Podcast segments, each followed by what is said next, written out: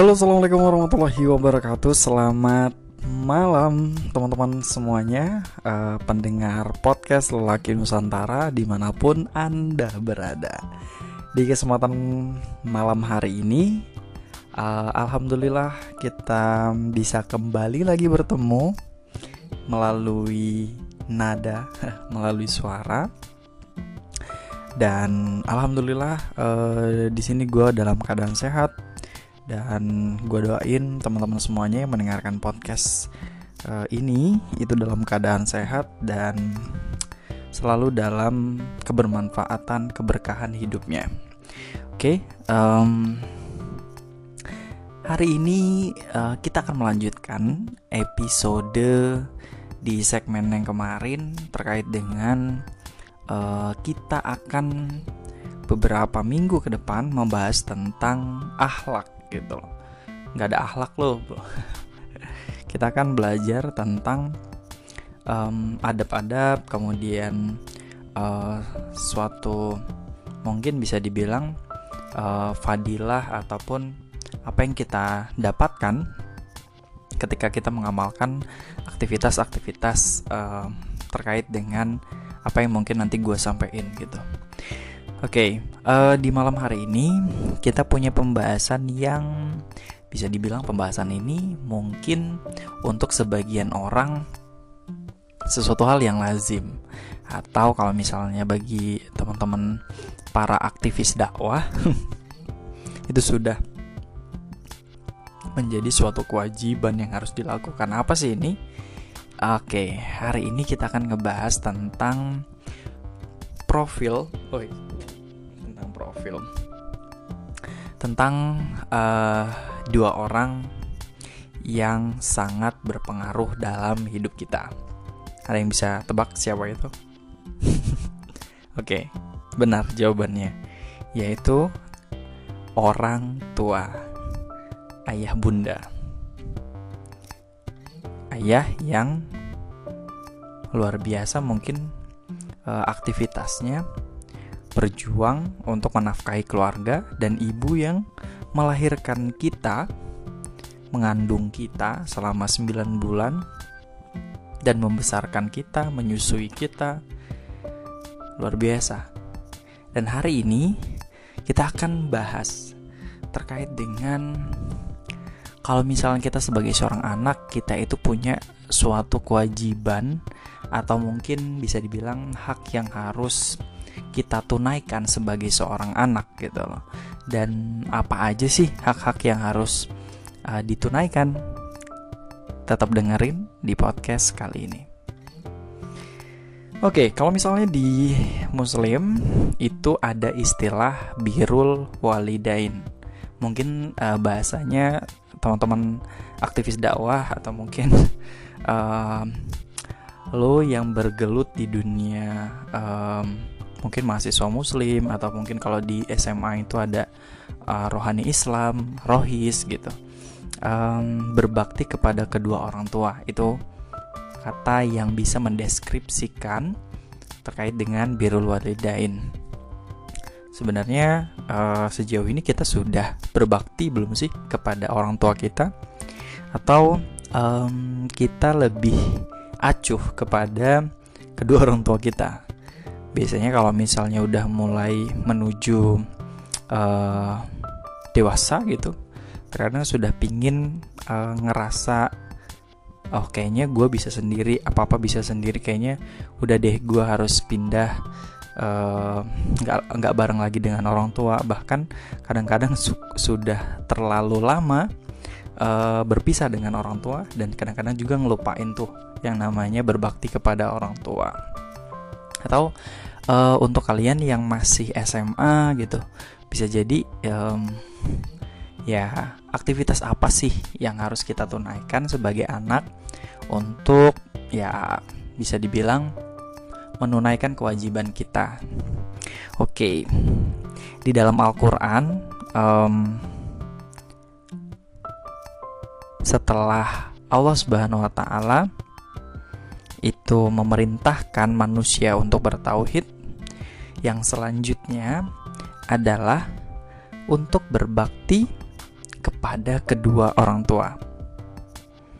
Di Quran surat Al-Isra ayat 23 sampai 24 di situ menjelaskan tentang bagaimana aktivitas kita sebagai seorang anak itu memberikan bakti kita kepada orang tua.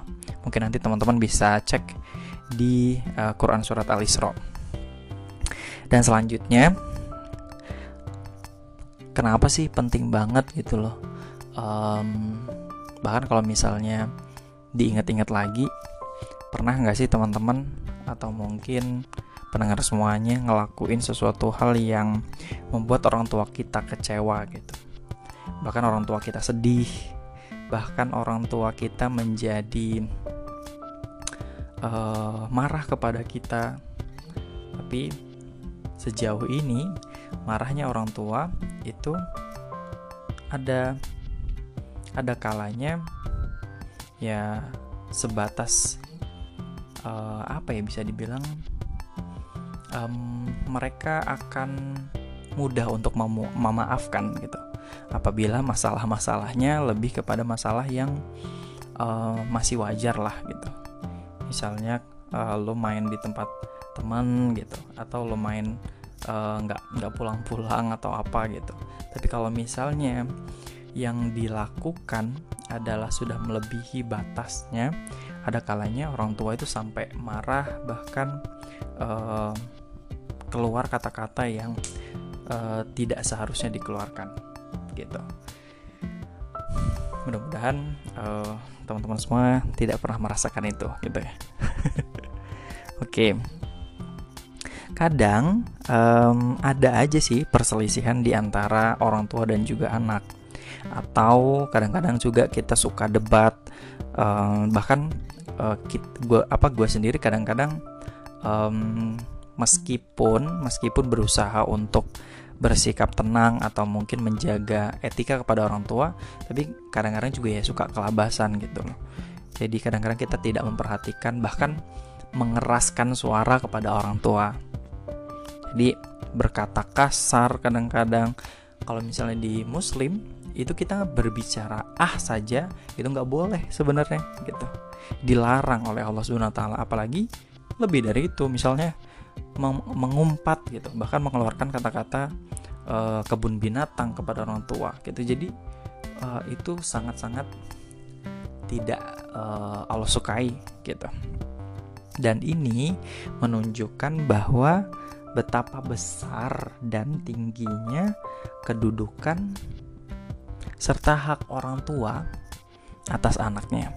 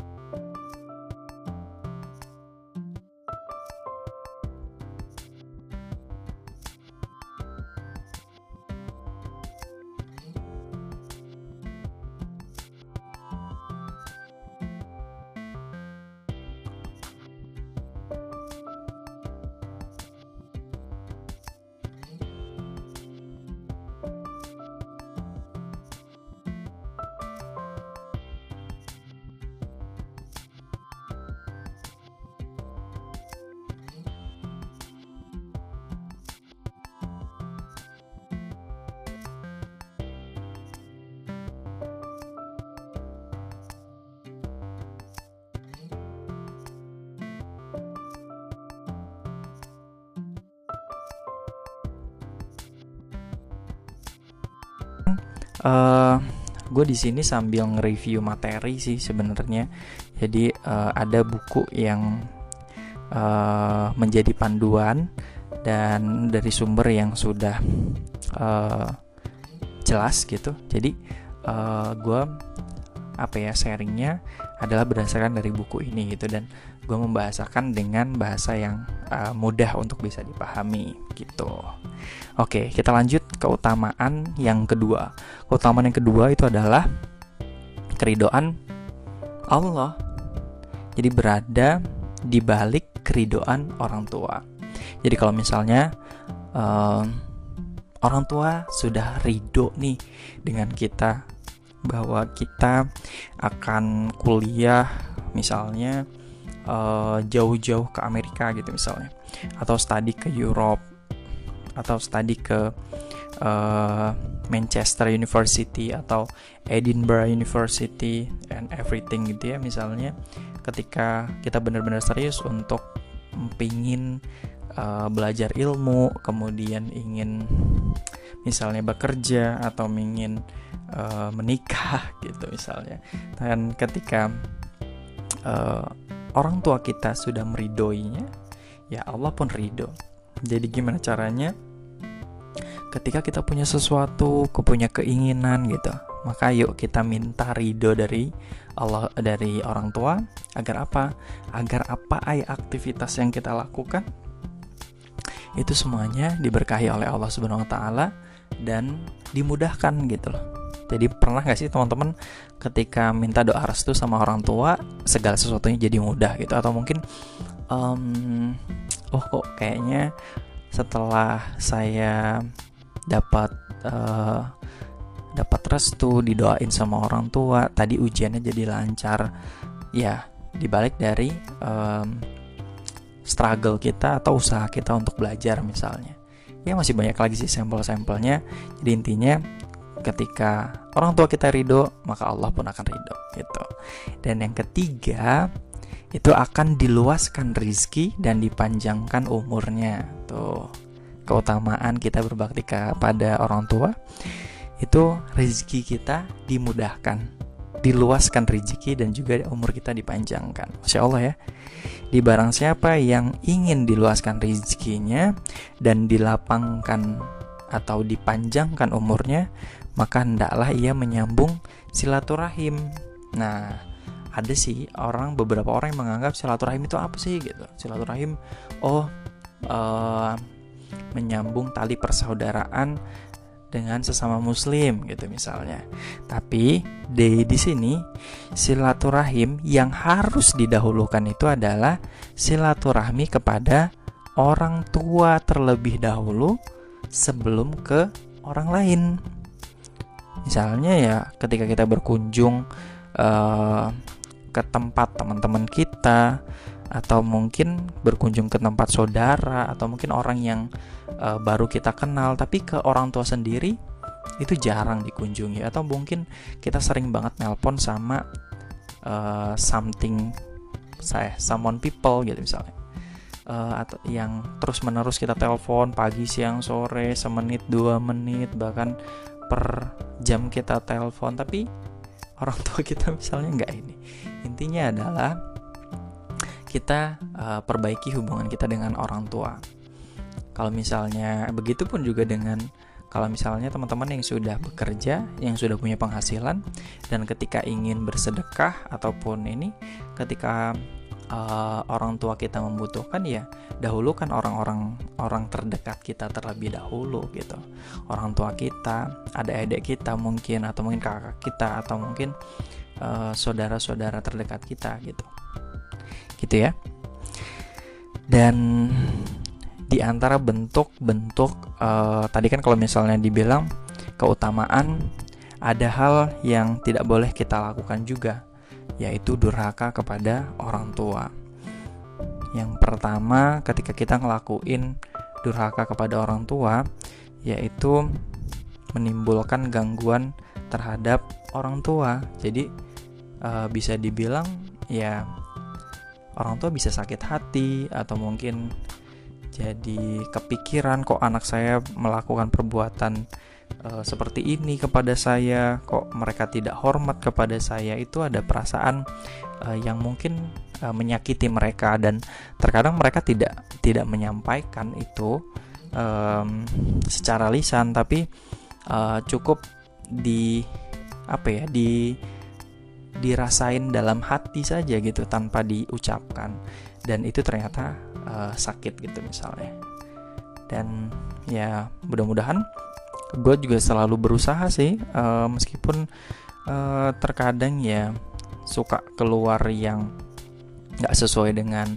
prediksi misalnya tiba-tiba jadi bikin sakit hati orang tua gitu. Tapi ya sebisa mungkin kita uh, menjaga perasaan orang tua gitu. Itu yang pertama. Yang kedua uh, tidak diperkenankan tuh kita uh, bilang ah atau is gitu atau ya set, uh, berkata lebih kasar gitu atau mungkin um, lebih keras lah gitu. Bilang ah aja nggak boleh apalagi bilang kasar gitu. Kemudian yang ketiga itu bahil atau kikir. Tidak mengurus orang tua bahkan lebih mementingkan yang lain daripada mengurus orang tua sendiri. Itu ya di antara bentuk durhaka kepada orang tua. Sedangkan e, beberapa hal yang harus kita tunaikan sebagai seorang anak kepada orang tua. Yang pertama uh, ada beberapa sih di sini yang yang ingin gue sampaikan. Uh, yaitu kita tidak mengeraskan suara atau memotong pembicaraannya. Tidak berdebat juga sama sama beliau sama mereka berdua dan tidak berdusta kepada mereka. Selanjutnya uh, kita bisa selalu berterima kasih kepada mereka dan cara terima kasih kita seperti apa sih? Ya tidak menyusahkan. Dan kalau bisa ya kita mendoakan setiap uh, sholat fardu kita setelah sholat fardu. Uh, mungkin teman-teman sudah hafal ya doanya. Allahumma firli dunubi wali walidayya warhamhuma kama rabbayani sogiro Ya Allah ya Tuhanku ampunilah kedua orang tuaku ya itulah artinya ya nanti cari sendiri kemudian mendahulukan dan melebihkan bakti kepada ibu kita. Jadi luar biasanya ibu, uh, ya sebisa mungkin kita uh, tidak menyakiti ibu kita. Ya seperti biasa aktivitas kesehariannya, uh, keseharian kita kalau misalnya kita tinggalnya masih bareng sama orang tua, ya uh, berbakti, bergaul, berbicara yang sopan, yang baik, dan berkata lemah lembut. Terus menyegerakan keinginan dan permintaannya gitu. Um, kalau misalnya kita yang sudah kerja atau mungkin yang sudah uh, ya intinya masih punya kedua orang tua, ada kalanya uh, mereka uh, ingin sesuatu atau ingin uh, dibuatkan sesuatu atau pingin beli sesuatu gitu. Kalau misalnya kita bisa usahakan untuk segera membelikannya ya kenapa enggak gitu dibelikan segera. Tapi kalau misalnya belum ya ya berarti belum gitu. Tapi ada usaha untuk memenuhi keinginan mereka karena teman-teman uh, hitung saja sih uh, batas umur dari orang Indonesia atau mungkin pada umumnya uh, mungkin kalau misalnya meninggal itu di 60 60-an lah 60 tahun. Jadi kalau misalnya lihat aja umur orang tua sekarang itu sudah berada di kepala berapa. Ataukah malah tinggal uh, misalnya umurnya sekarang 50 berarti kisaran 10 tahun lagi. Kira-kira apa sih yang bisa kita berikan kepada mereka gitu? Apa sih bakti yang bisa kita berikan kepada mereka? Itu kan sesuatu hal yang uh, ketika gue dapat ini oh ya gue pingin ke sini ke sini ke sini oh gue pingin ke sana ke sana ke sana oh gue pingin ngedapetin ini ini ini. Tapi kita lupa bahwa kita punya orang tua yang orang tua kita nggak tahu umurnya sampai kapan. Apakah kita sudah berbakti kepada orang tua atau belum. Ya seperti itulah. Jadi gambarannya yuk kita sama-sama perbaiki aktivitas kita, hubungan kita dengan kedua orang tua kita. Gitu ya. Dan yang terakhir, uh, merawat dan menjaganya khususnya ketika orang tua udah udah udah renta gitu. Jadi ya ya anggapannya uh, ketika dulu kita masih bayi sampai kita besar kita, kita dirawat oleh orang tua kita masa anaknya banyak atau mungkin di antara anak-anaknya ini gak ada yang mau untuk merawat orang tua gitu. Jadi mudah-mudahan kita diberikan kesempatan dan diberikan kemauan untuk uh, merawat ayah bunda kita, gitu ya. Uh, mudah-mudahan uh, kita berupaya untuk memperbaiki diri dan juga um, baik tenaga, baik pikiran kita, kita bisa menentukan siapa sih sebenarnya prioritas yang harus diutamakan dalam hidup kita gitu.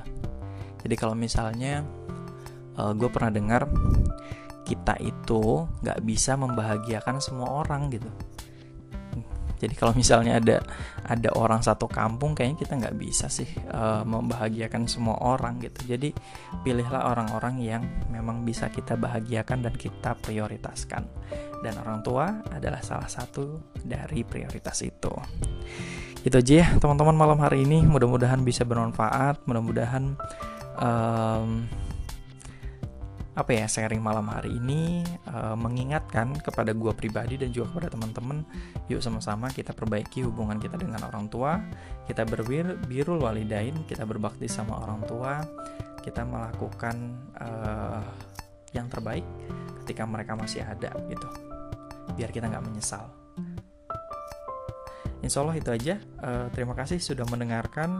Untuk teman-teman yang pingin chat, pingin eh, tanya-tanya ataupun pingin collab gitu misalnya mention aja di Instagram atau uh, Twitter gue di ariefmdr underscore atau di email di simunandar@gmail.com. Terima kasih. Assalamualaikum warahmatullahi wabarakatuh. Selamat malam. Hai. Dadah.